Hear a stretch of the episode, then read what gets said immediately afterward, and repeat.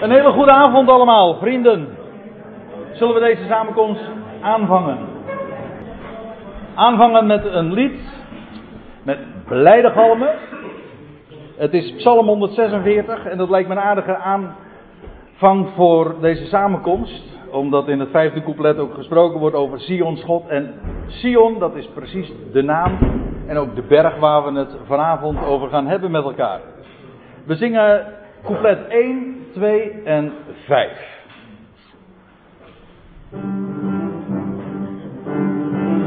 Prijs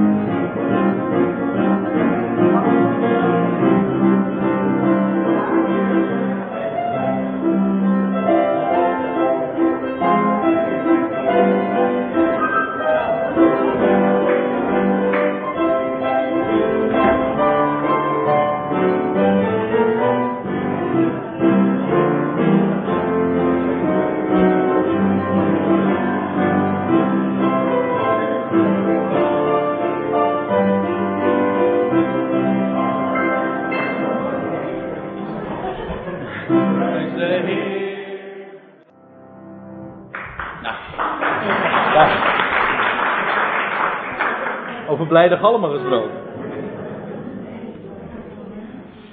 Ik wil straks ook nog graag, voordat we de Bijbelstudie aanvangen, het woord geven aan, aan Hermine Dannenberg. Maar voordat ik dat doe, eh, wil ik iets doen wat ik tot dusver vergeten ben. En dat is aandacht eh, geven en vragen ook voor een tweetal boeken.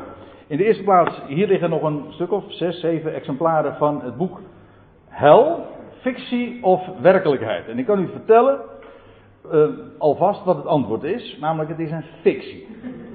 Eh, maar wa- waarom en hoe dat dan wel zit, dat staat heel mooi beschreven in dit boek van Sylvia Fiedler. Eh, voor 15 euro kunt u er eentje meepakken. Nee, voor 5 cent minder nog zelfs. Ja, ja, we pakken flink uit hoor. En dan heb ik nog een boek. Nou, in werkelijkheid, ik, dit is een flyer. Eh, maar het, betreft een, een dik boek. En dat boek heet Eén voor Allen. Het is de eerste van een tweedelige serie. Het volgende boek gaat heten. Ah, het ligt daar. Ah, geweldig. Ja, dan, ja, dat is wel even mooi om dat eh, te laten zien. Kijk, dan kunt u echt zien dat het meer is dan alleen maar even een flyer. En, en hoe dik het is. Het is nog dikker dan de masculine eh, Menno, hè?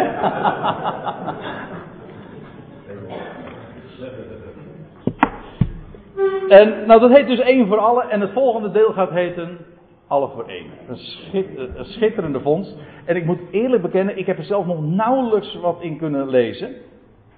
Maar ik heb er al zulke enthousiaste verhalen over gehoord. Het is een, eh, wat ik ervan gelezen heb, het is echt een schitterend boek. Ehm, als u wat meer wil weten over de inhoud, gewoon even een intro, lees deze flyer. Er liggen er genoeg, eh, deel ze uit, dus eh, wees daarin niet bescheiden.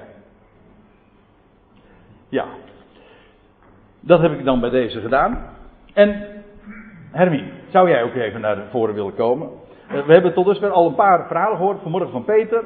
En ik wist dat een dame die, als deze, die nu naar voren komt, ook wel wat te vertellen heeft. En dat wilde ik graag eventjes uw aandacht voor vragen. Hermine. Dank je, André. Ehm, uit betrouwbare bron heb ik vernomen dat Petra heeft gezegd: laat de beurt maar aan mij voorbij gaan. Vandaar dat ik nu het haasje ben. Overigens heeft het mezelf verteld. Eh, André overviel me ermee, want ik dacht van, ik, ik had nooit kunnen bedenken dat hij me zou vragen, maar goed, ik heb wel ja gezegd. En ik had al wel even de gelegenheid om na te denken wat ik dan zou kunnen vertellen. En eh, misschien een klein beetje van de hoe en ook een beetje van de wat. Als ik gewoon kijk naar mijn leven, heb ik een reformatorische achtergrond. En eh, ben ik eigenlijk eh, tot mijn achttiende naar de oud-gereformeerde gemeente gegaan. En het is een, eh, een dubbele achtergrond, om het zo maar te zeggen. Of ik heb daar dubbele gevoelens bij. Aan de ene kant ben ik echt ontzettend blij met de basis die ik daar mee heb gekregen. Het is ongelooflijk hoeveel bijbelkennis dat je meekrijgt en hoeveel dat je daar geleerd wordt. En aan de andere kant heb ik ook weer heel veel af moeten leren.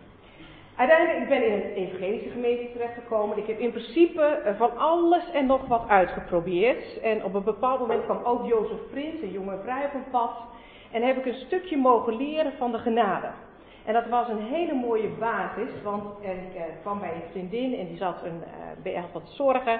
En, um, maar goed, die heb ik daarin gesteund. En, maar die was ook bezig met Efeze 1 en zei op een bepaald moment tegen mij van Emien, ik weet niet meer of ik in deze God wil geloven. Ik zei, ach joh, maak je niet druk. God die maakt af als zijn hand begon. Die is al lang met jou begonnen. Ik zie het helemaal zitten. En ah, je, ah joh, je wiebelt een beetje. Helemaal geen probleem. Komt helemaal goed. Dat heeft een paar maanden geduurd. Totdat ze tegen me zei van, nou ik denk dat ik er zo ongeveer doorheen ben. Maar ik heb al wat boeken voor je. Dus toen kwam ze aanzetten met Martin Zender, opzettelijk defect en vrije wil. En daar ging ik onderuit. Ik weet niet of ik in zo'n God kan geloven. Want die wist alles al van tevoren en wat moet ik dan met het kwaad? Maar goed, leergierig als we beide waren, hadden we zoiets van, nou ja, nu we dan toch eenmaal op dit pad terecht zijn gekomen, uh, laten we dan ook maar kijken wat er te vinden is en wat, wat, ja, hoe het dan verder in elkaar steekt. Dus ik ben op internet gaan zoeken nog naar veel meer werken van Martin Zender. Ik heb alles opgezocht en me helemaal stuk gelezen. Nou ja, en dan gaat het balletje aan het rollen. Dan kom je nog tegen, dan kom je allerlei sites tegen. En je leest je helemaal te pletter. Dat hebben we dus ook gedaan. En vervolgens ga je zondagochtend niet meer naar de kerk. Maar dan ga je met elkaar samen zitten. En dan lees je al die boeken door. En je zoekt het op in de Bijbel. En je komt er gewoon achter, het klopt. Ik kon er niet meer onderuit. Het klopt. Maar wat heeft het me dan gebracht? Elke keer dacht ik, ik heb die vrede gevonden die alle verstand te boven ging. Ik ging van kerk naar kerk en ik denk, nu heb ik het gevonden. Nu heb ik het gevonden. Maar als ik nu kijk naar mijn leven, dan kan ik ondanks alles wat er gebeurt, want ik heb een bewogen leven achter de rug, ik zit midden in een bewogen leven, mag ik zeggen, dat is de vrede die alle verstand te boven gaat, die is er. En dat fundament ligt onder mijn leven. Het kwaad, ik heb er enorm mee geworsteld. In mijn onnozelheid zei ik, God, dat is zwart, dat is zwart genoeg. Ik, ik snap het, ik heb het gesnapt, ik begrijp uw contract, laat het alsjeblieft stoppen.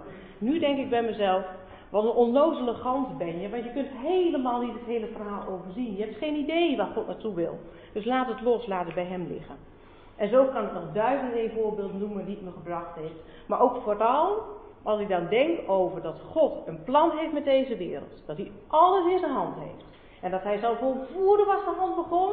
Geweldig. Dat is echt een feest om dat te mogen geloven en om vanuit dat principe te mogen leven. Wilde ik graag met jullie delen.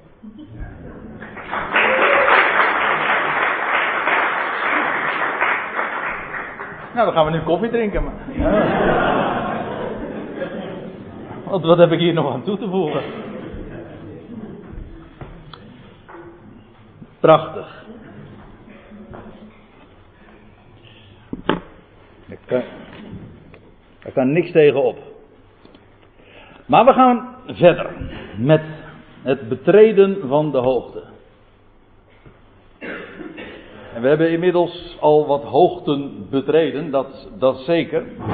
Maar dat mocht u ook verwachten, want dat was nu eenmaal ook het aangekondigde thema. Op de hoogte. En we doorwandelen zo het Bijbels berglandschap. Althans, uh, een aantal bergen. En ik kreeg in, tijdens de maaltijd of net daarvoor nog een boekje in handen geduwd. Uh, dat ging ook over bergen in de Bijbel. Ik kende het helemaal niet. En er werden nog veel meer bergen genoemd dan dat wij dit weekend kunnen bespreken. En ik zei al, we beperken ons in eerste instantie even tot drie bergen. En morgenmiddag komen er nog zeven bergen ook ter sprake. Maar dan zijn er nog zoveel andere bergen. En, en het is geweldig wat al die bergen te, uh, te vertellen hebben. En wel, welke sprake daarvan uitgaat.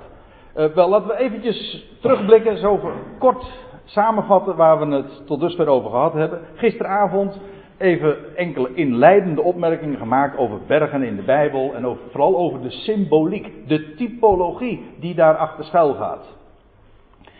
En met name heb ik dan ook het laatste deel van de bijeenkomst u gewezen op 1 Samuel 9, waar met recht ook en letterlijk ook sprake is iedere keer weer opnieuw over op de hoogte en hoe Samuel daar zich op de hoogte bevindt en hoe Saul daar ook op de hoogte gebracht wordt, daar tot koning gezalfd wordt en, en daar een priesterlijk aandeel krijgt. En het spreekt alles. En dat is in ieder geval wat ik daarin heb willen duidelijk maken. Want zulke bergen, ja, als je dan op de hoogte gebracht wordt, in alle dubbelzinnigheid die daaraan vastzit, ja, wat krijg je dan te zien? Vergezichten. En altijd weer wordt je bepaald, dat kan niet missen, bij de koning, priester, bij Christus Jezus. Alle bijbelse lijnen komen altijd op een of andere manier weer bij hem uit. En dat zie je in zulke verhalen, dat in, in je onnozelheid, om even met Hermine mee te spreken, zou je denken, als je dat 1 Samuel 9 leest, ja, een merkwaardig verhaal. Zoals je zoveel merkwaardige verhalen vindt. Een, een, een, een herder die op zoek is naar zijn ezelinnen en dan gezalfd wordt daar op de hoogte.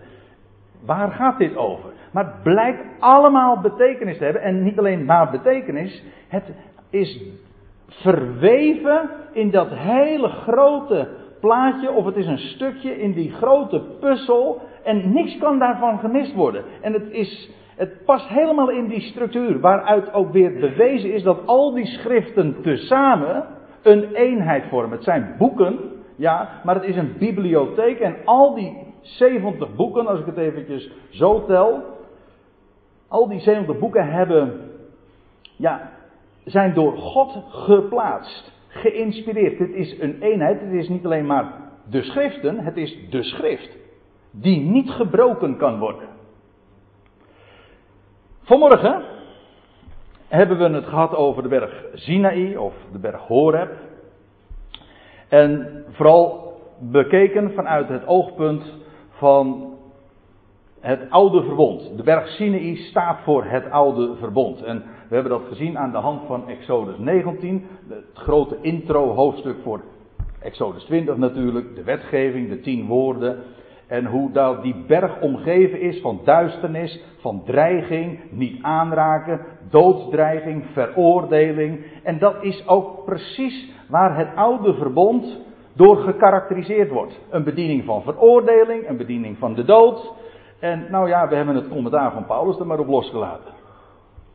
Bijvoorbeeld in 2 Korinthe 3, hoewel dat is slechts terzijde ter, aan de orde gekomen, maar vooral aan de hand van Galaten 4.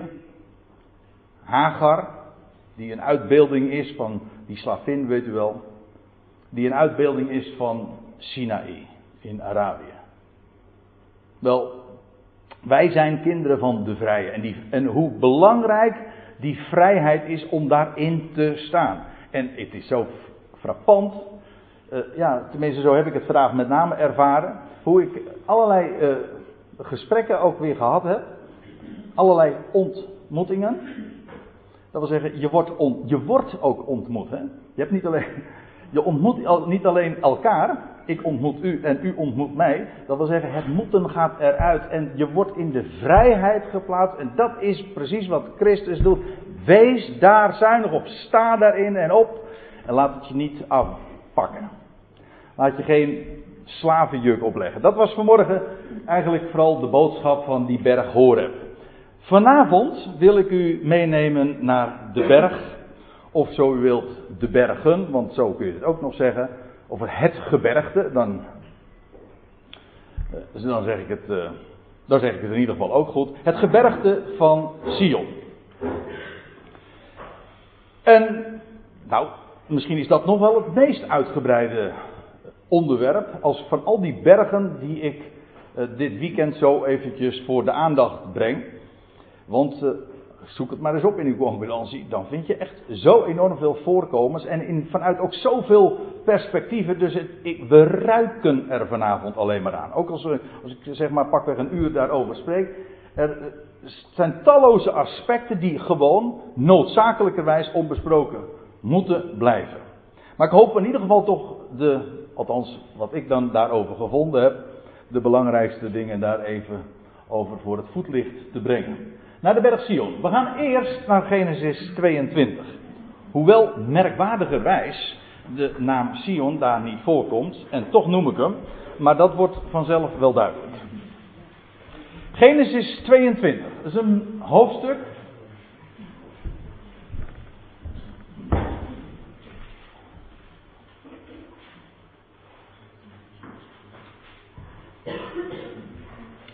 Zo, zo ziet u het in ieder geval wel. Het is een bekend hoofdstuk. De binding van, eh, van Isaac heet dat. We hadden het vanmorgen ook wel even over Isaac. De zoon van de vrije. Lachen, die ene geborene. Ja, maar het was niet allemaal lachen. Want toen had Abraham, Isaac, Abraham en Sarah hadden Isaac ontvangen. Die enige zoon waar alle beloften betrekking op hadden. En toen kreeg hij na jaren de opdracht die we hier in Genesis 22 vinden. En het is ja, een beetje lastig om zo'n hoofdstuk onbevangen te lezen. Kijk, wij weten de afloop al. Maar dat is eigenlijk niet eerlijk. Je moet gewoon lezen alsof je dat nog niet weet. En dus begin je bij vers 1 en je weet nog helemaal niks. Laten we. Het is een aantal versen, want ik ga natuurlijk niet het hele hoofdstuk behandelen. Maar een paar dingen wil ik er even uitlichten. Hierna gebeurde het dat God Abraham op de proef stelde. Hij zeide tot hem, God zeide tot hem, Abraham. En hij zeide, hier ben ik. En hij zeide, neem toch uw zoon, uw enige, die gij lief hebt, Isaac. Het is eigenlijk een soort van opklimmende reeks die je hier vindt. Het is uw zoon. Ja, en wel uw enige. Die andere telt niet eens mee. Ik bedoel, die Ismaël, waar we het over hadden. Uw enig, uw enig geboren zoon. Ik, ook dat is alweer zo dubbelzinnig. De enige geboren zoon die gij lief hebt. Jitschak. Hij in wie vreugde is. Hij die doet lachen en hij die lacht. En ga naar het land, let op, Moria. Het land Moria en offer hem daar tot een brandoffer op een der bergen die ik u noemen zal. Zodat je ziet dat Moria inderdaad een berglandschap is. We weten nu verder nog helemaal niks over dat berglandschap, waar het was. We weten wel dat Abraham hier zich in Beersheba bevond, in het zuiden van Israël. En van daaruit wordt hij dus geroepen. Op een van die bergen zou hij dan zijn zoon moeten gaan offeren. En nou kun je natuurlijk een heel bewogen verhaal gaan houden en, en vertellen over wat er allemaal in het hart en in de gedachten van uh, Abraham geleefd moet hebben. Van ja, wat, hoe verschrikkelijk dat is. En dat kun je wel zo invullen, maar dat staat hier allemaal niet vermeld. Het wordt heel feitelijk zo meegedeeld. Laten we gewoon meelezen. Toen stond Abraham des morgens vroeg op. Hij ja, we gaan, uh, we gaan er snel doorheen. Hè. Uh, zadelde zijn ezel nam twee van zijn knechten met zich, benevens zijn zoon Isaac natuurlijk. Hij kloofde hout voor het brandoffer, begaf zich op weg en ging naar de plaats die God hem genoemd had. En vers 4, toen Abraham op de derde dag zijn ogen opsloeg, zag hij die plaats in de verte. En ik kan het niet helpen, maar het treft weer zo dat we het weer over de derde dag. Je zou haast zeggen dat we deze, dat deze conferentie of deze, dit weekend helemaal gaat over de derde dag. Ja, daar stuit je iedere keer op. Waarom? Ja, en dat bedoelde ik zojuist ook even aan te geven met die structuren. Iedere keer vind je het op een of andere manier verborgen of heel erg aan de oppervlakte weer terug. Op de derde dag. En dan zijn er mensen die zeggen, ja nou ja goed, het was gewoon feitelijk, eh, dat is een mededeling zo, het was de derde dag. Ja, dank je de koekoek. Natuurlijk was het de derde dag. Maar waarom wordt het er zo bij vermeld? Nou ja, dat heeft verder helemaal geen betekenis. Nou, op het moment dat je zo de Bijbel leest, dan ontgaat je gigantisch veel. Dat kan ik u wel vertellen. Niks staat er zomaar natuurlijk. Op de derde dag sloeg hij zijn ogen op. We komen dus, ik kom er straks nog even op terug, maar we onthouden hem alvast even. Hij zag die plaats, de plaats, Ha-Makom. Dat is in het Hebreeuws, Ha-Makom. Je kan het ook nog eh, wat uh, platter zeggen, wat Nederlandser, wat Jiddischer. Dan zeg je gewoon Mokum. Dat is de naam die eh, Amsterdam heeft meegekregen van de Joden. Maar dat betekent dus eigenlijk gewoon de plaats. En wat Joden in het godsdienstig spraakgebruik ook met Mokum of Mahamakom bedoelen, dat is de plaats, Jeruzalem, het is Sion, de plaats waar God zijn naam zou laten wonen. Dat is de plaats. Dus dat is, daar zit een, een veelheid van gedachten achter. Dat betekent, de plaats is, maar het is met recht dus heel, een, het is een bepaald lidwoord. De plaats. De plaats waar de Heer zijn naam zou doen laten wonen. Je leest later dat, dat, dat Israël ook op zoek zou gaan naar de plaats. Dat werd inderdaad deze plaats dus. Ja, dat zou je in Genesis 22 nog niet vermoeden, is ook eigenlijk nog niet aan de orde, maar hier wordt het al genoemd de plaats. En hij zag dat op die derde dag in de verte. En Abraham zeide tot zijn knechten: Blijf gij hier met de ezel, terwijl ik, de jongen en de, ik en de jongen daar ginds heen gaan. En wanneer we hebben aangebeden, zullen wij tot u terugkeren. Ja, ik heb dat nu even vet gedrukt en met kapitaalletters. Maar daar moet je toch echt over struikelen.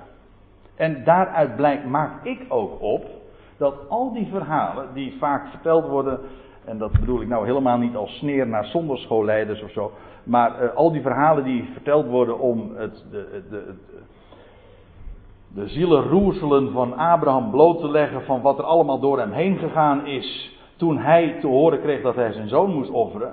Dan denk ik van nou, daar, het is nog maar zeer de vraag of dat waar is zo laconiek in elk geval, laat ik, het, laat ik gewoon lezen wat er staat. Zo laconiek als Abraham het hier zegt, en ik neem hem even serieus, dan moeten we me maar niet kwalijk nemen.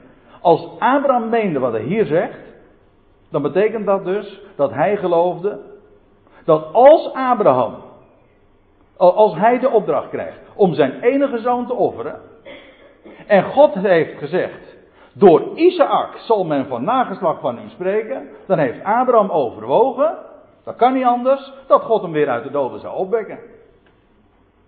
En nou denkt u zeggen, ja, oh, dat gaat me wel erg ver. Nou, dan moet u het toch voor de aardigheid eens het commentaar van de schrijver van de Hebreeënbrief lezen. Want daar staat dat exact. En ik heb er geen plaatje van, maar ik, ik ontkom er nou niet aan om het toch even te lezen dan. Hè? Hebreeën 11. Dan moet u toch nog bladeren. Hè?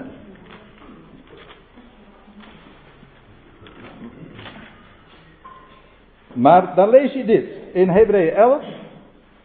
Juist in uh, Rijnsburg zijn we momenteel ook bij die geschiedenis aangeland in de bespreking van de Hebreeënbrief. En daar staat dus dit. Ja, vers 17.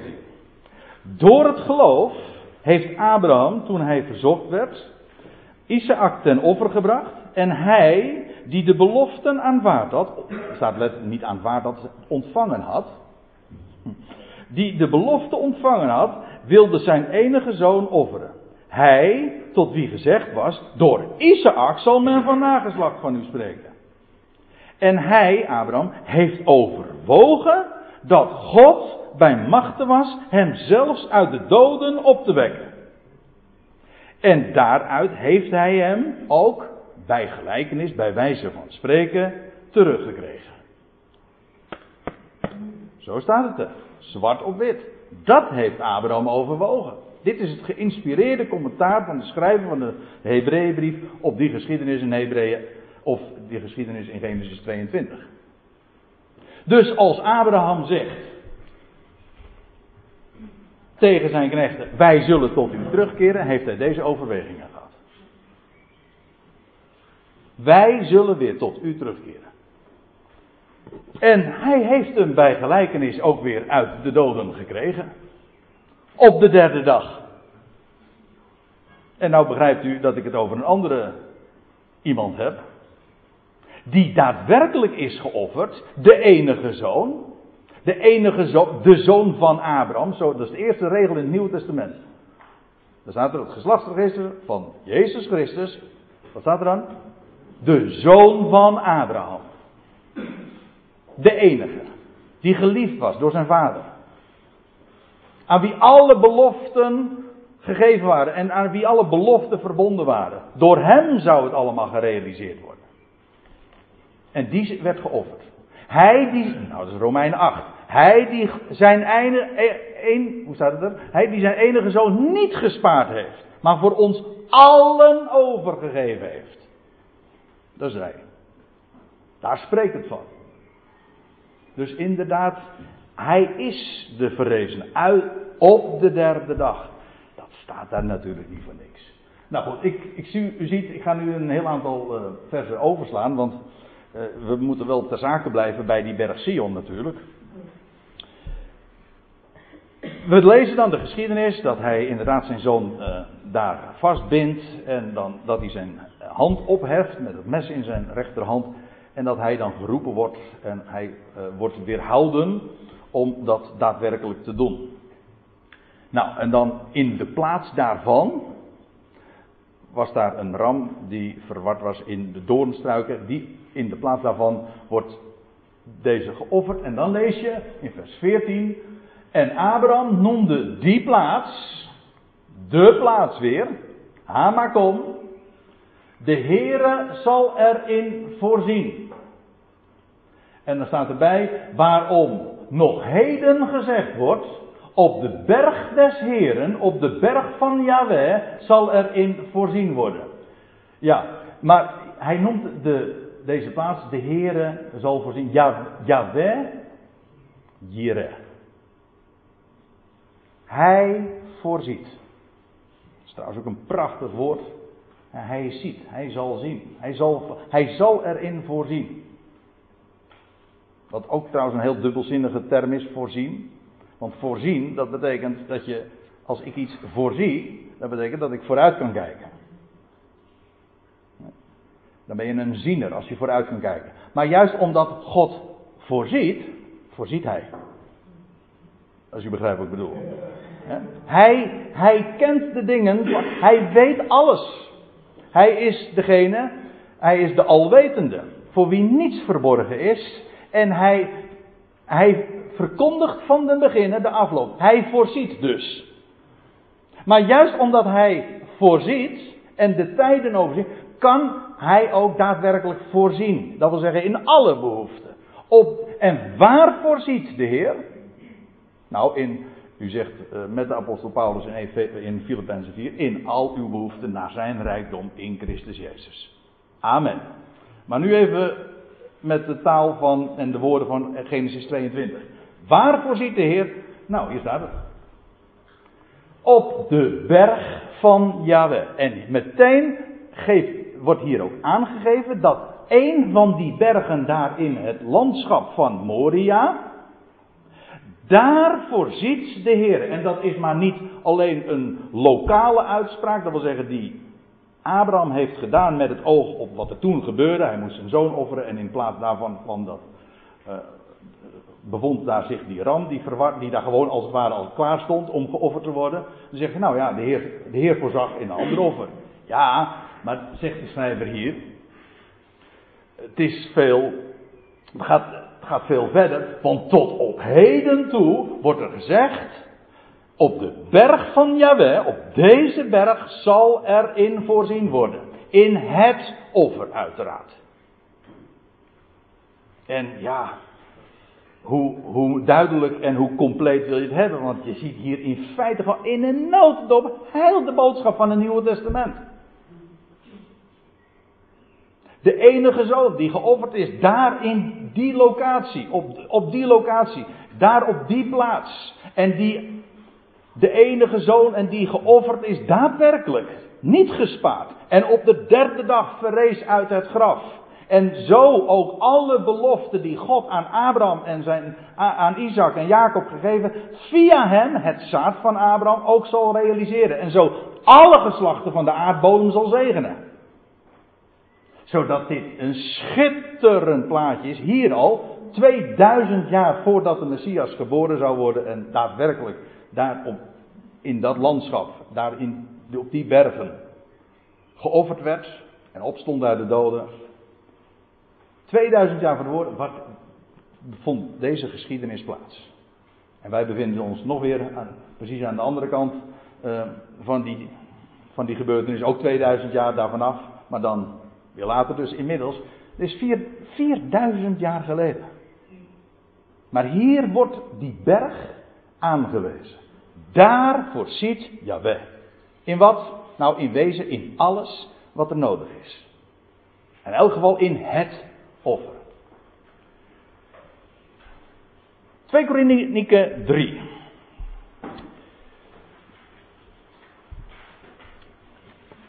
Ja, dan gaan we inmiddels ook weer een uh, hele tijdreis maken. We zijn dan inmiddels, nou ja, duizend jaar verder.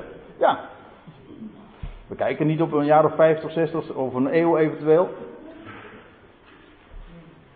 We maken een stap in de geschiedenis. Dit is ongeveer 1000 voor Christus. En dan is het de zoon van David. Wat natuurlijk ook een lekkere dubbelzinnige term is. De zoon van David, Shalomo.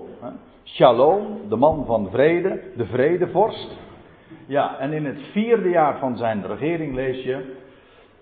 Ja, dat is uh, wel mooi, want dat is een prachtige chronologisch handvat. wat daarin aangereikt wordt in een parallel vers. 1 Koningen 6, vers 1. Daar wordt nog vermeld dat het juist in het vierde jaar, toen Salomo daarmee met dat werk begon, dat was het 480ste jaar na de uittocht uit Egypte. Ja. Een heel eh, belangrijk uh, gegeven dat daar zo chronologische mededeling, die uh, belangrijk is om, uh, om een tijdtabel ook van de Bijbel vast te stellen. Goed, toen begon Salomo met de bouw van de tempel, eindelijk, te Jeruzalem. Jeruzalem, dat heeft trouwens ook te, maken, de naam, met hij, uh, hij zal voorzien in vrede. Voor Jeruzalem. Ja, daar zit Salem, dat is gewoon vrede. Dat was, dat was trouwens in de dagen van Abraham, moet daar moet ik dan ook weer aan denken. Er was er een koning ook van Salem. Was trouwens ook priester. Die gaf een brood en wijn. Dat was diezelfde locatie. Wonderlijk hè? Ja. Maar in ieder geval Jeruzalem. Waar, waar voorzien zal worden in vrede. Is geen stad die zo vaak verwoest is geweest. Waar zoveel oorlog om geweest is. En waar nog steeds tot op de dag van vandaag eigenlijk alle wereldproblematiek geconcentreerd ligt. Want als je, je kunt zeggen het hele Midden-Oosten conflict. Waar eigenlijk de hele wereldpolitiek zo ongeveer om gecentreerd is. Ja, dat, dat gaat allemaal om dat kleine landje. En dat, in dat kleine landje gaat het om dat ene stadje. Zo groot is het allemaal niet. Ja, Jeruzalem. En waarom Jeruzalem? Wel, daar is de berg. Daar gaat het uiteindelijk allemaal om. Daar zit een heel geestelijk conflict achter. Maar goed, Salomo begon met de bouw van de tempel te Jeruzalem op de berg Moria. Aha. Of eventueel, je kan namelijk net zo goed vanuit het Hebreeuws, op het gebergte van Moria. We zagen zojuist al in Genesis 22, dat was het land van Moria en de bergen daar, op een van die bergen. Dus, de tempel die wordt gebouwd op de plaats waar ooit de zoon van Abraham werd geofferd. Bij wijze van spreken en die bij wijze van spreken op de derde dag weer opstond. Goed, hou vast, het is de berg, het, of de berg of het gebergte van Moria. Hetzelfde, dus het altaar van Genesis 22. Waar de Heere, waar Yahweh aan zijn vader David verschenen was. Op de plaats die David daarvoor had bestemd. En dat was op de doorsvloer van de Jebusiet Ornan. Ja, voorheen heette die stad dan uh, tijdenlang Jebus. Maar goed, dan lees je ook nog, dat vindt u allemaal vermeld in, in boek Samuel, ja, dat uh, daar een dorsvloer was. Dat is een mooie geschiedenis hoor. Maar in elk geval, uh, David koopt daar een dorsvloer. En op die dors, de dorsvloer van Arauna of van Ornan. En op de dorsvloer wordt de tempel gebouwd. Zo wordt het hier gezegd. De dorsvloer van de, van de Jebusiet Ornan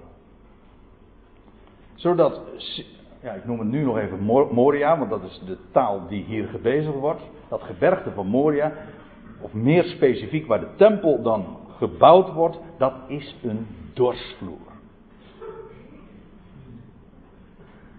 Een dorsvloer die we in de Bijbel nogal uh, vaker tegenkomen.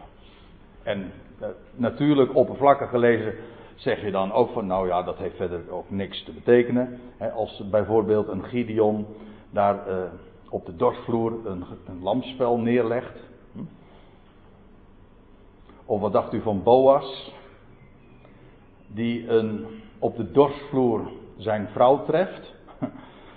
ja, hoe, hoe, gemakkelijk kan het je gemaakt worden dan? Hè?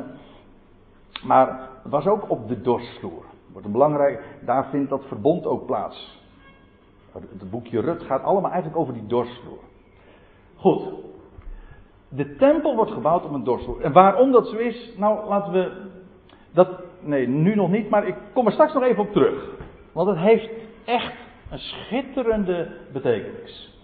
We gaan nu eerst even naar Psalm 2. Ik vond het een beetje puzzelen deze avond hoe ik eh, het moest, moest opbouwen ja, er was zo'n veelheid aan gegevens. Maar goed, ik, heb, ik, kies nu voor deze lijn. We gaan nu naar Psalm 2. Ook een, nou, een psalm die uh, nogal een grote rol speelt in het hele, in het hele Bijbels getuigenis. In het Nieuwe Testament wordt het, uh, deze psalm vaak aangehaald. Heel veel keren. Als u een Bijbel met, met schriftverwijzing hebt, dan zult u zien dat er een heel aantal, een hele rits van teksten allemaal als schriftverwijzing worden vermeld. Laten we even bij het begin beginnen. Ik moet er een beetje snel doorheen, maar om in elk geval de draad een beetje vast te houden. Er staat, waarom woelen de volkeren en zinnen de natieën op ijdelheid? Dat was toen al zo, dat was in de dagen van David dus, want het was een psalm van David, dat weten we ook nog. Dat zegt namelijk de Petrus. Paulus, als ik me niet vergis, ook. Dat is een psalm van David, de tweede psalm. En het is een profetische psalm, laat ik dat ook voorhand ook al even vaststellen. Het gaat over de dagen, ik, ik, zal het u straks ook echt laten zien. Het gaat over de eindtijd. Als God zijn man, zijn gezalfde, zijn Mashiach, zal stellen op de plaats die hij daarvoor bestemd heeft, om de volkeren, heel de volkerenwereld, te onderwerpen. Eigenlijk precies waar we het gisteravond ook over hadden, toen, naar aanleiding van Daniel 2, u weet wel dat die, dat die vier koninkrijken allemaal geveld worden. En dat steentje, de steen, dan de hele aarde gaat vullen. Gods koninkrijk, die vijfde, dat gaat, die zal de plaats ingenemen van al die wereldkoninkrijken die er geweest zijn. Tot dusver en nog moeten gaan komen. Maar oh, er is wat aan de hand onder de volkeren. Dat is nu zo. Maar het wordt nog veel erger. Waarom woelen de volkeren, zinnen de natieën op ijdelheid? Want ze denken natuurlijk dat ze met verschrikkelijk veel belangrijke dingen bezig zijn. En de Bijbel zegt het is gewoon empty, hè? leeg.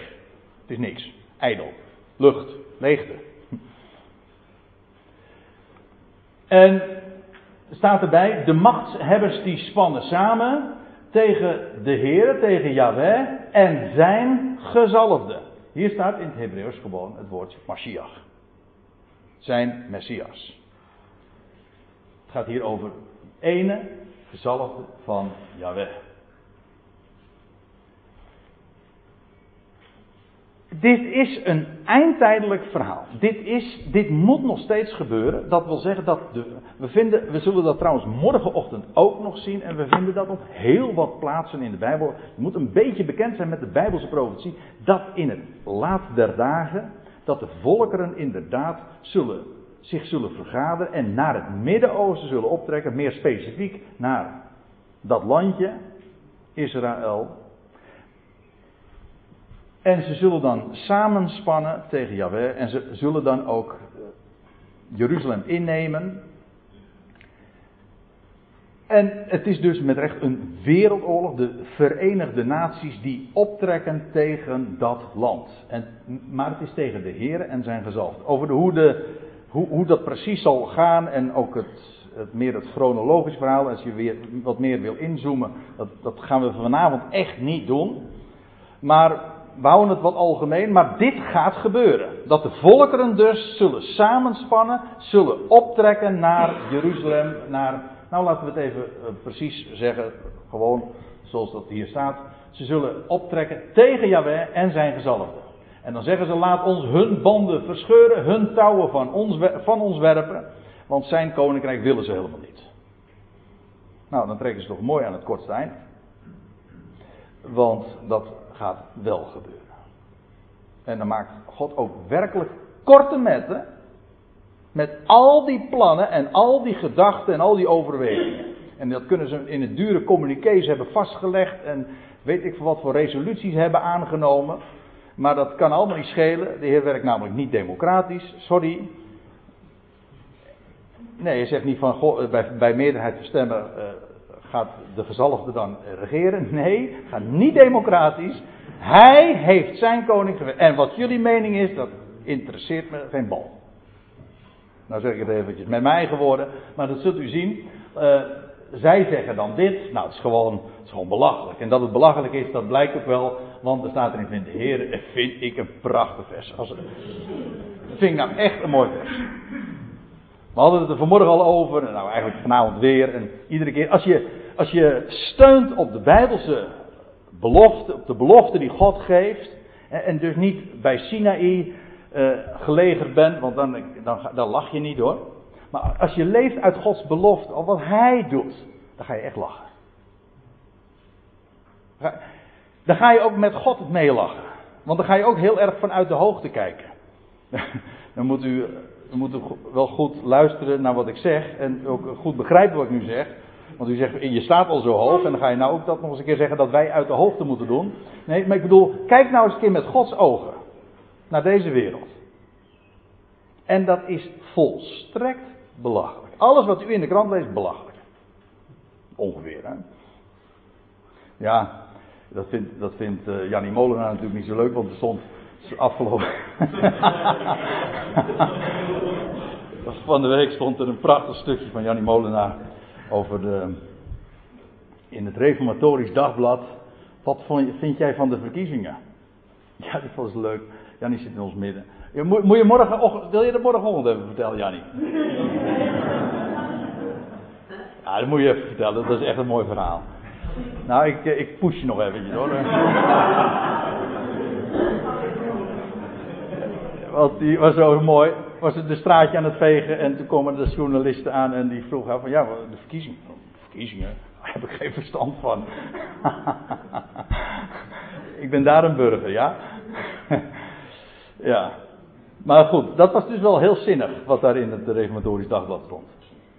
Maar dat, dat is gewoon, dan word je heel laconiek. Laconiek over de wereld en alle, alle wereldproblemen.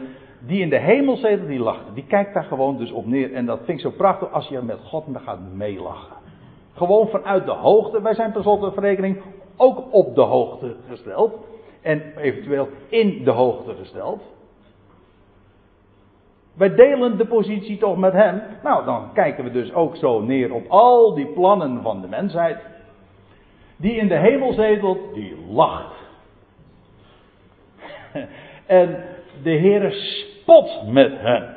Steekt de draad. Dat is gewoon satire.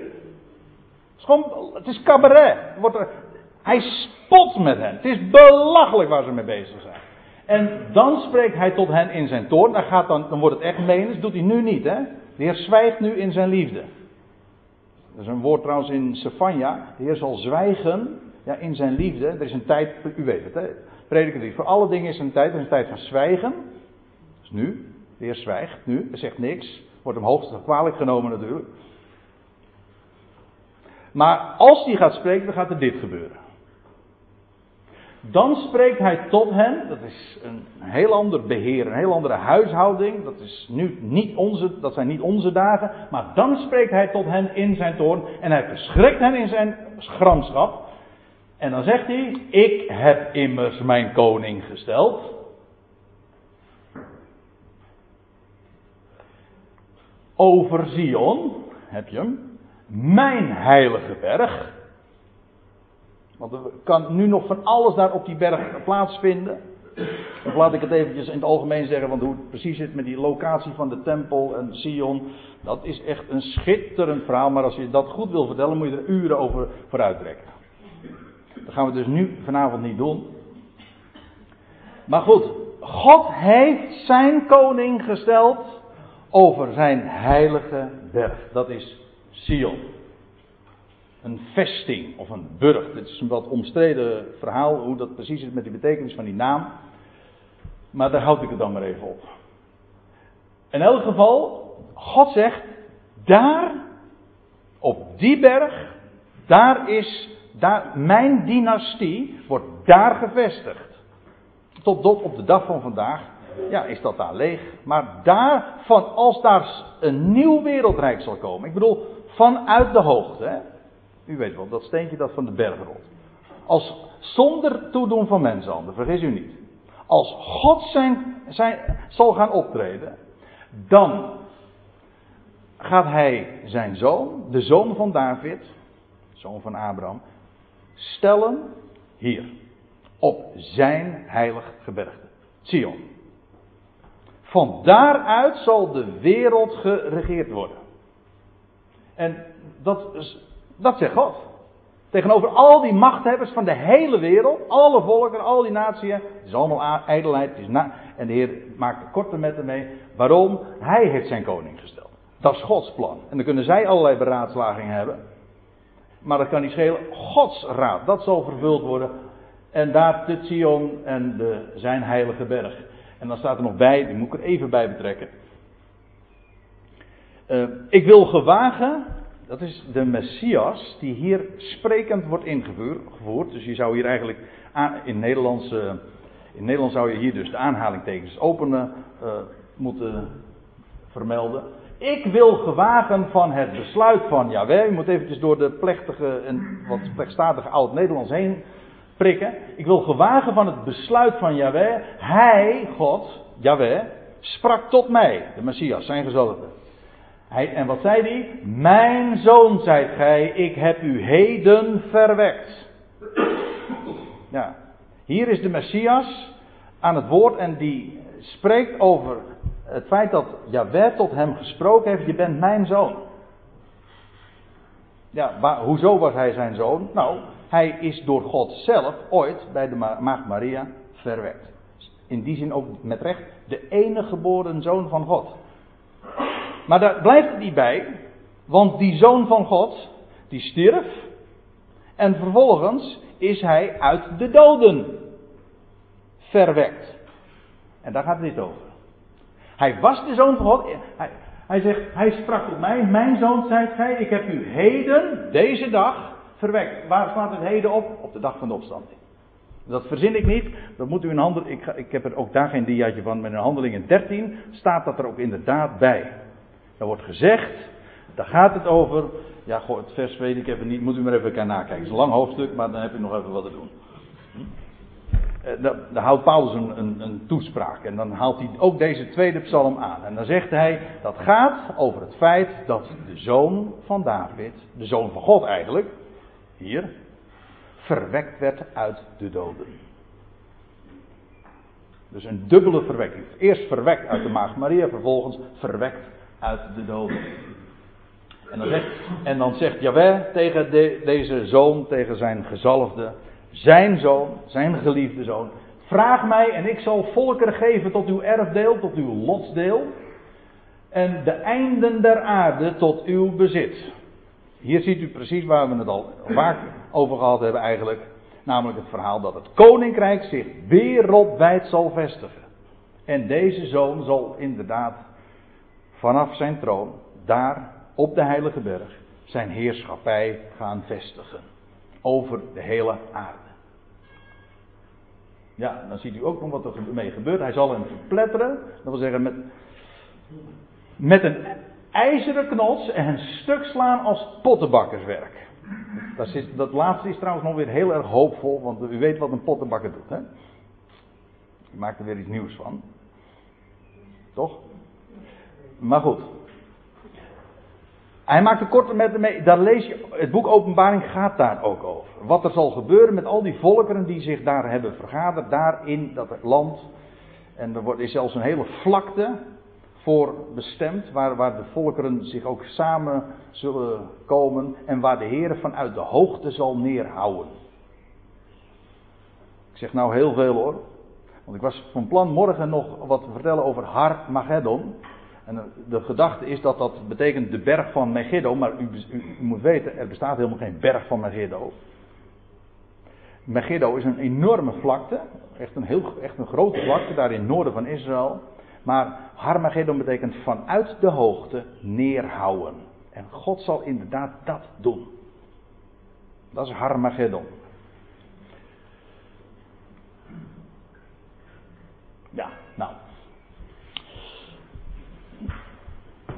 Dat heb ik nu bij deze dag gezegd, maar dan neem ik u ook nog even mee naar Micha 4, want daar, gaat ook, daar wordt ook gesproken over Zion. Gaat het ook over die beraadslagingen van de volkeren? Want ik zei wel, dat, dat element, dat die gedachte van de volkeren die vergaderd worden, daar in het land, en waar de Heer dan met hen zal afrekenen, dat vind je op vele plaatsen. Micha 4 is zo'n zo'n plaats. Ik heb ze niet geteld, maar ik, ik, ik, je kan.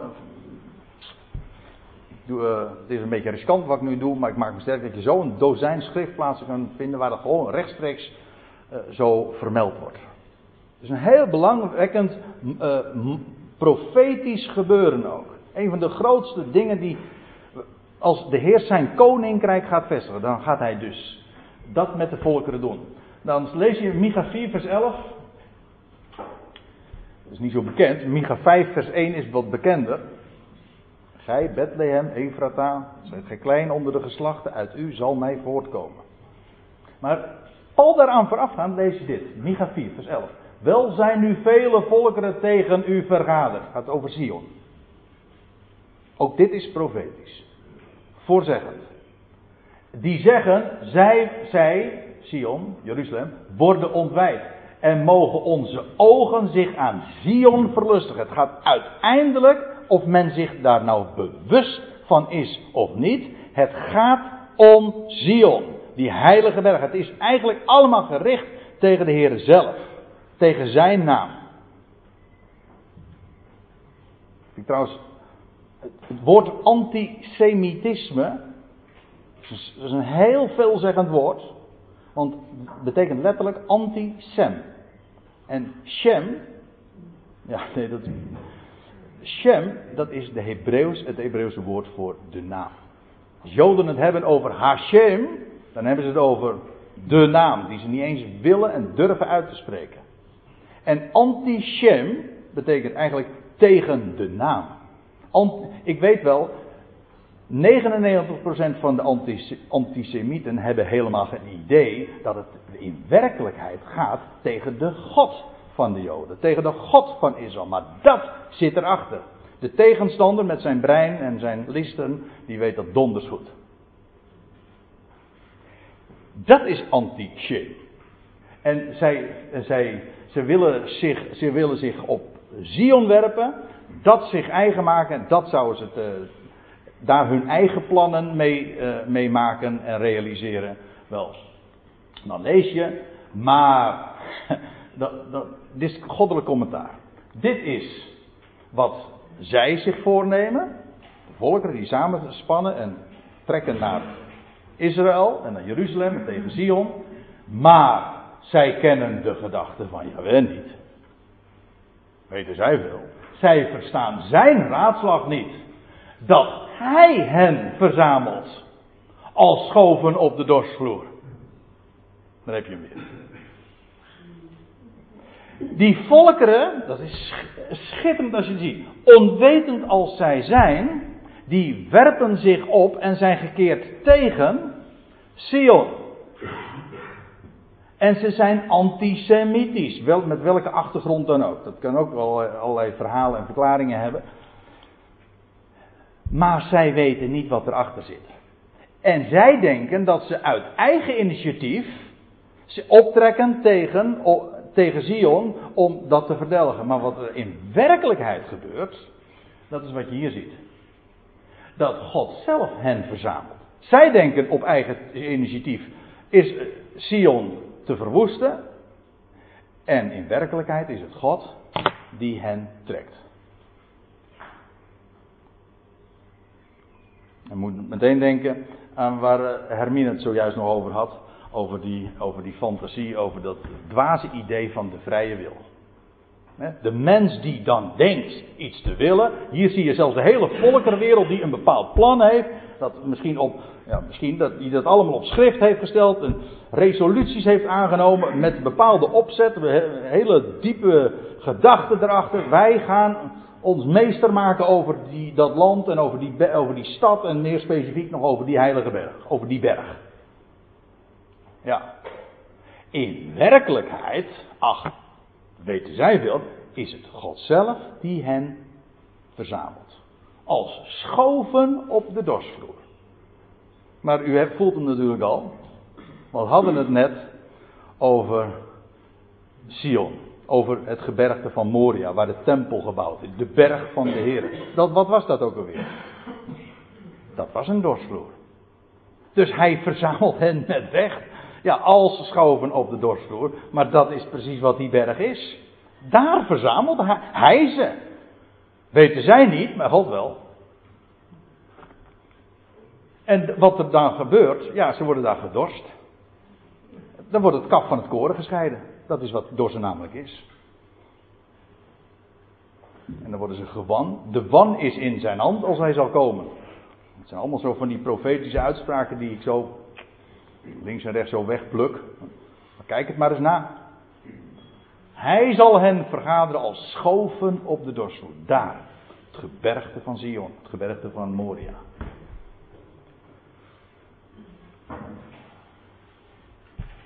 En dan lees je in Jezaja 2. Ja, want er zijn geweldige beloften aan die stad en dat gebergte van Zion verbonden. Sion is de plaats waar de Heer zijn naam doet wonen. Het is de plaats waar het offer, waarin voorzie, waar de Heer zelf zal voorzien in het offer. Het is de plaats waar de, waar de volkeren samengebracht zullen worden, verzameld zullen worden als schoven op de dorsvloer. En dan lees je Jezaja 2, dat is een, van de, een van de prachtigste passages als beschrijving van het, dat Messiaanse koninkrijk wordt trouwens in uh, Micha ook nog, uh, diezelfde passage wordt vermeld. Dan lees je dit. En het zal geschieden in het laatste der dagen. Dan zal de berg van het huis des Heer, het huis van Yahweh, vaststaan als de hoogste der bergen. Ik geloof ook inderdaad dat die berg daar in die omgeving ook met recht de hoogste worden, zal worden. Er gaat nog heel wat gebeuren hoor in dat berglandschap u daar meer over wil weten, moet u morgen eh, de Bijbelstudie ook bijwonen. De meeste van u doen dat automatisch, maar. Ja, dan gaat nog een berg bijvoorbeeld splijten. Nou, dan gaat er heel veel gebeuren hoor. Er vinden aardbevingen plaats, maar in ieder geval die, die berg waar het huis van Yahweh op gebouwd zal worden, dat zal de hoogste der bergen worden. Hoe weet je dat? Nou, het staat hier. Ja. Uh, zal vaststaan als. Maar dat is, het is natuurlijk letterlijk waar, omdat het ook figuurlijk of geestelijk of symbolisch of typologisch waar is. Het is de hoogste, het is de top, het is het hoogtepunt, het is de piek, het is een, ja. Van daaruit, daar gaat het allemaal om. Dat is het hoogtepunt. Om, daar zal de Heer zijn naam laten wonen. Dus daar in Jeruzalem, daar zal in de nabije toekomst, ja, er komt ook nog een, een andere tempel, die trouwens door mensenhand zal gebouwd worden.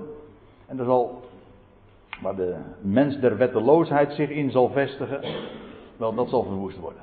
Maar in dat Messiaanse Rijk zal er inderdaad opnieuw, door de werkelijke zoon van David, Salomo, de vredevorst, met zijn duizend jaren, zal daar zijn koninkrijk en, maar vestigen, maar ook daar een huis bouwen. En die, de hele bouwtekening ligt al helemaal klaar. Kijk het maar na, Ezekiel 40 tot en met 48, buitengewoon saai om dat te lezen. Ja, zo'n heel bestek is niet interessant om te lezen. Al die dingen hebben betekenis. Maar dat die, die hele bouwtekening die daar klaar ligt, die ligt daar natuurlijk niet zomaar klaar. Het is nog nooit gerealiseerd. Maar God gaat zelf ervoor zorgen dat die, dat huis, wat daarop tot in de puntjes en de, de details beschreven staat, gebouwd gaat worden. Als een zichtbaar model van wie God is. Niet meer onder een oud verbond en dat er, de offers die daar bijvoorbeeld gebracht zullen worden, dat is niet omdat ze enige betekenis hebben. Offers hebben nooit enige betekenis gehad in zichzelf. Maar dan zullen ze gebracht worden niet omdat, laat ik het meteen positief zeggen, die offers die dan ook weer gebracht zullen worden, zullen slechts dienen om te demonstreren en te illustreren het grote offer. Ik ben hier ooit eens een keer. Nee, dat was uh, in de buurt van Arnhem, dat is ook zo. Stond er een, uh, was er een, een levensechte tabernakel. Ik kende, het is alweer een jaar of twintig volgens mij geleden.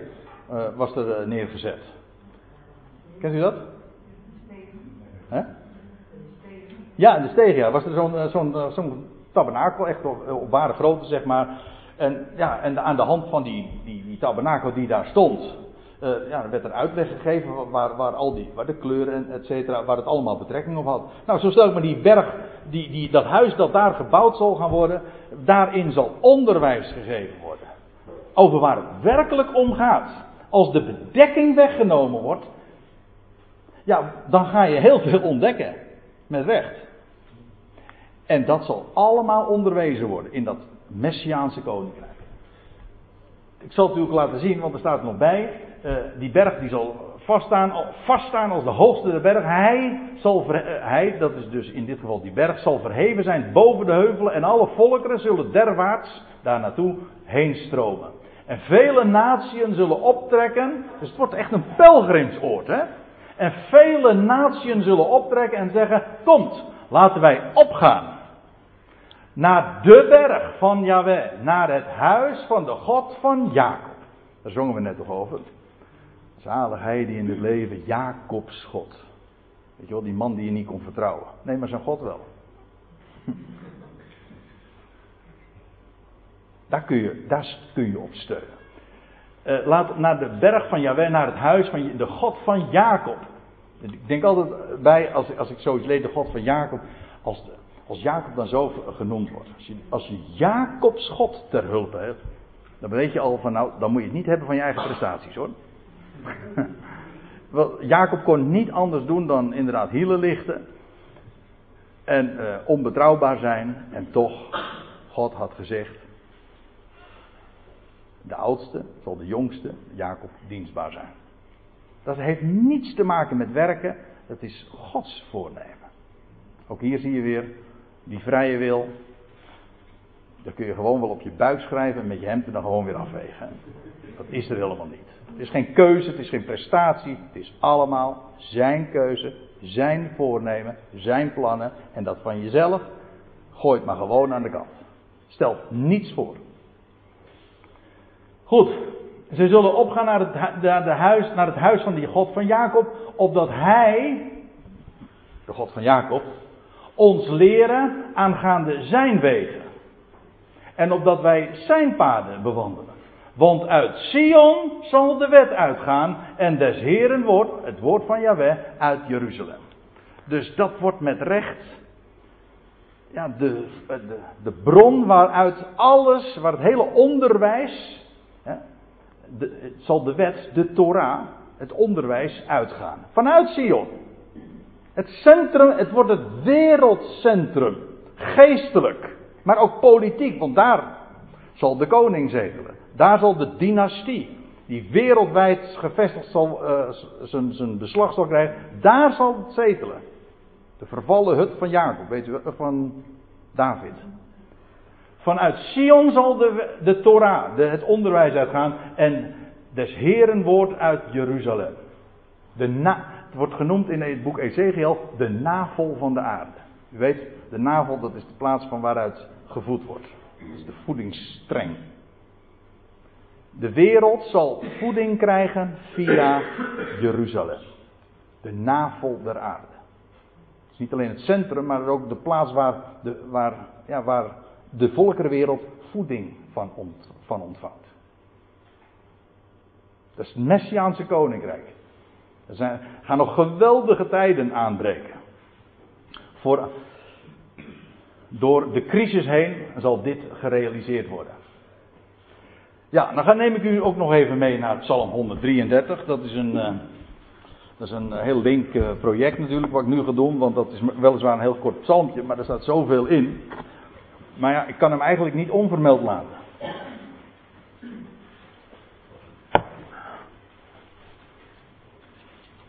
Psalm 133. Ik zou hem gewoon nog, sommigen van u, dat weet ik zeker, die zou hem zo in het Hebreeuws kunnen zingen. Hine matov umanaim shevet achim gam yachat. Ja. Uh, dat is, daar hadden we het gisteren al even over, een bedevaartlied, maar dat is gewoon letterlijk een lied van de treden uit de bundel van Hiskia, die ook wat met 15 had. Het zijn 15 psalmen, weet u wel. Uh, weliswaar, en vijf van die psalmen uit die bundel, die zijn trouwens van David of van Salomo. Ik laat het nu even rusten. Het is een, een, lied van de treden van David. Ik heb er al wat over verteld. En dan staat er: Ziet hoe goed Hinematov. Ziet hoe goed en hoe lieflijk het is. Naim. In ons huis klinkt dat nog eens een keertje, want onze dochter heet zo. Naomi. Hè? Lieflijk, aangenaam. Ziet hoe goed en hoe liefelijk het is wat. Als broeders ook tezamen wonen. Shevet Achim Kamjahat. Als de broeders samen zijn. Eenheid vormen. En het gaat hier trouwens, ja, die broeders. Er is wat dis, oh, ja, verschil van inzicht over. Gaat het hier nou over? Heel de, gaat het hier over het, het huis van Jacob? Dat kan heel goed. Dat, dat, dat, geeft ook in het leven van David heel erg uh, goed betekenis. Want je leest op een gegeven ogenblik dat David. Hij heeft zeven jaar in Hebron geregeerd. En dan gaat hij zich vestigen in Sion, Jeruzalem. En daar uh, wordt hij koning over de, alle twaalf stammen. Dus het hele huis van Jacob, de broeders, die wonen daar dan samen natuurlijk een plaatje van wat er echt gaat in de toekomst met de zoon onder de zoon van David gaat gebeuren. Maar dan zal inderdaad, dan, dan zullen de broeders van het huis gezamenlijk wonen. Maar anderen hebben gezegd, nee, het gaat niet over de, het huis van Jacob, het gaat over het huis van Abraham. Dat wil zeggen, alle vleeselijke zonen naar het vlees, ook de Arabische volkeren. Is, laat ik het zo anders zeggen. Ismaël en Isaac, dat die allemaal samen wonen. Hoe liefelijk zal dat zijn? En nog weer anderen die zeggen de kring nog breder. Het gaat niet over het huis van, van Jacob. Gaat zelfs niet over het huis van Abraham. Het gaat over het huis van Noach. Kortom, de hele mensheid. De hele volkerenwereld. Dat ook eigenlijk allemaal broeders zijn. In die zin. Uh, ik hoef geen keuze te maken, want uh, wat mij betreft is het allemaal waar. Want deze belofte van liefelijkheid en van die eenheid onder de broeders, van het ene huis, zal hoe dan ook gerealiseerd worden voor het huis van Jacob. Geldt voor het hele Midden-Oosten. Daar zal van Gods wegen vrede komen. Maar het geldt voor de hele volkerenwereld. Dus uh, het is maar hoe je het hebben wil. Het staat er hier niet bij en ik denk dat die ruimte waarin het geformuleerd wordt wellicht ook uh, de ruimte ons geeft om dat dan ook zo in te vullen. Het is, ja dat is een wonderlijke beeldspraak. Het is als de kostelijke olie op het hoofd, nedervloeiende op de baard, de baard van Aaron die nedergolft op de zoom van zijn klederen. En dan moet je het eigenlijk gaan hebben over Aaron en over kostbare olijfolie en over de baard van Aaron. En dan moet je het ook nog even hebben over zijn klederen. En eigenlijk ook dan over de zoom van zijn klederen. Wat was daar nou mee aan de hand? Gaat er al een belletje rinkelen bij u?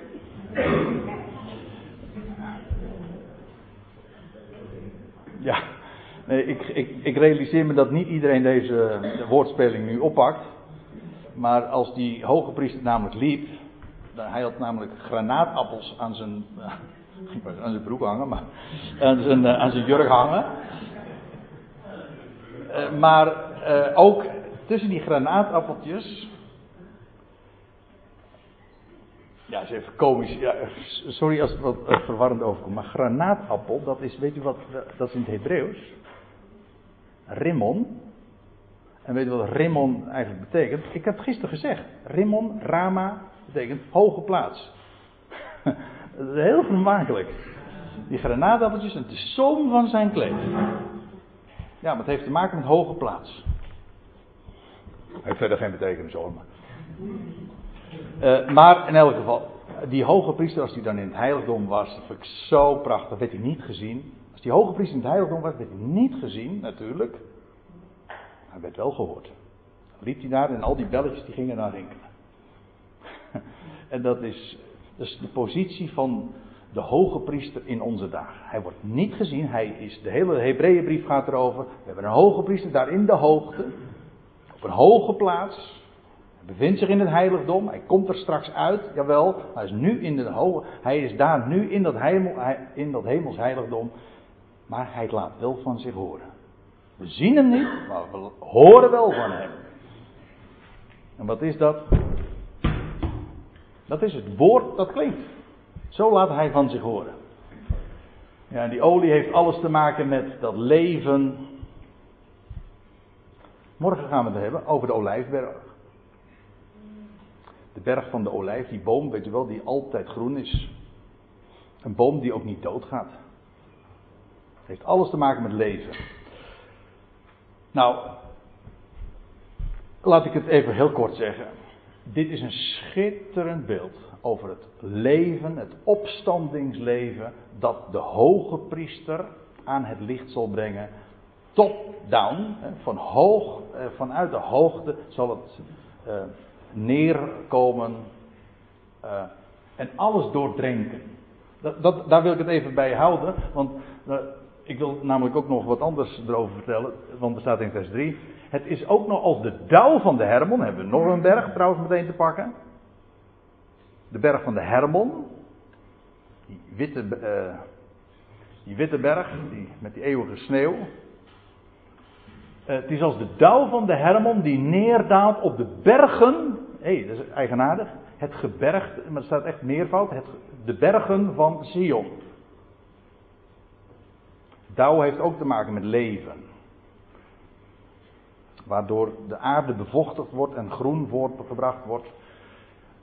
Wel, waar is het een uitbeelding van? Er wordt gesproken over olijfolie op, het, op die hoge priester, over dauw dat neerdaalt in rijkdom op de Hermon, maar ook, nou gaat het over de bergen van Zion. En dan staat er, want daar gebiedt de Heere de zegen. En nou heb je weer zo'n zo'n uh, omschrijving waarvan je zegt, ja, wat bedoelt hij met daar? Bedoelt hij dat waar broeders tezamen wonen? Of bedoelt hij de bergen van Zion? En weer zeg ik, het maakt geen bal uit. Want in beide gevallen heb je het over hetzelfde. Waar gaat de Heer? Allen zonen van Noach, alle zonen van Abraham, alle zonen van Jacob, het huis van Jacob. Waar gaat hij ze samenbrengen? Daar. Op het gebergte van Zion. En daar gaat hij hen zegenen. Daar gebiedt de Heer de zegen. En daar zal één vanuit die locatie op zijn geplande plaats en via de door hem gestelde zoon en koning en priester zal de zegen uitgaan. Op een rijke wijze. Zoals de dauw van de Hermon, zoals die olie, kostelijke olie op de baard van Aaron, etc. Want daar gebiedt de Heer, de zijn zegen. Komt van, u weet het, hè? alle zegen, zoals een tv-serie was, uh, wist dat al. Alle zegen komt van boven. Precies, dat komt niet van beneden. Alle zegen komt van boven. Daar daarom moet je ook omhoog kijken. Ik hef mijn ogen op naar de bergen, van waar mijn hulp zal komen. Nou, want daar gebiedt de Heer de zegen, leven tot in, nou, er staat niet de eeuwigheid, maar tot in de Aion. Het gaat hier namelijk over dat, de Aion, dat Messiaanse koninkrijk. Nou, en nou ga ik toch even heel erg snel, want er is nog één psalm. 125. Ter afsluiting. Weer een bedevaartlied. Ja, eigenaardig. En ik heb ze nog lang niet allemaal vermeld. Dat juist in die liederen der treden. In die, uit die bundel van Hiskia. Dat Sion daar zo'n enorm prominente plaats inneemt. Dat krijg je namelijk ook weer in Psalm 134. En er is nog een psalm, maar die weet ik even niet zo uit het hoofd te vermelden. Maar Sion. Dat is het. En dat wordt op zoveel plaatsen dan ook bezongen. Goed, een lied der treden. Wie op de Heere vertrouwen, wie op Yahweh zijn vertrouwen stelt, die zal zijn als de berg Sion. Nou, dan, weet, dan zit het goed. Want dat is namelijk de berg van Gods keuze. De berg, ja. Waar hij zijn koning gesteld. Waar hij zijn naam zou doen laten wonen. Wie op de Heere vertrouwen zijn als de berg Sion, die niet wankelt, maar voor, tot in de aion blijft. Zo staat het er. En dan weet je ook meteen hoe vast het is, hoe goed je zit, wanneer je je vertrouwen stelt niet op een mens, maar omhoog kijkt van waar de zegen vandaan komt en je vertrouwen vestigt op hem en zijn woord.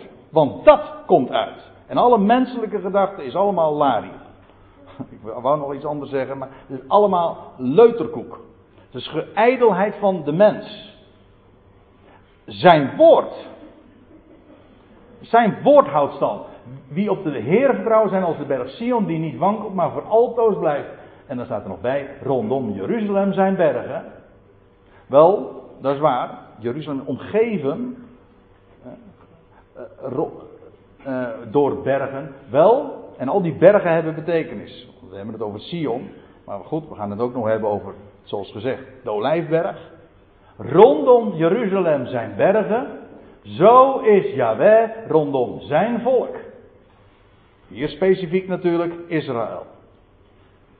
Maar ik zal u vertellen, wie op zijn, hem, ongeacht wie, op hem zijn vertrouwen stelt, komt never nooit beschaamd uit. Van nu aan ook staat er tot in de Aion. En dan staat er op andere plaatsen nog en verder. Olam Baet. Tot in de Aion en in het vervolg. Ja, nou dat was de laatste. Ja. En, nou ja, dat waren zomaar wat plaatsen ah, over Sion.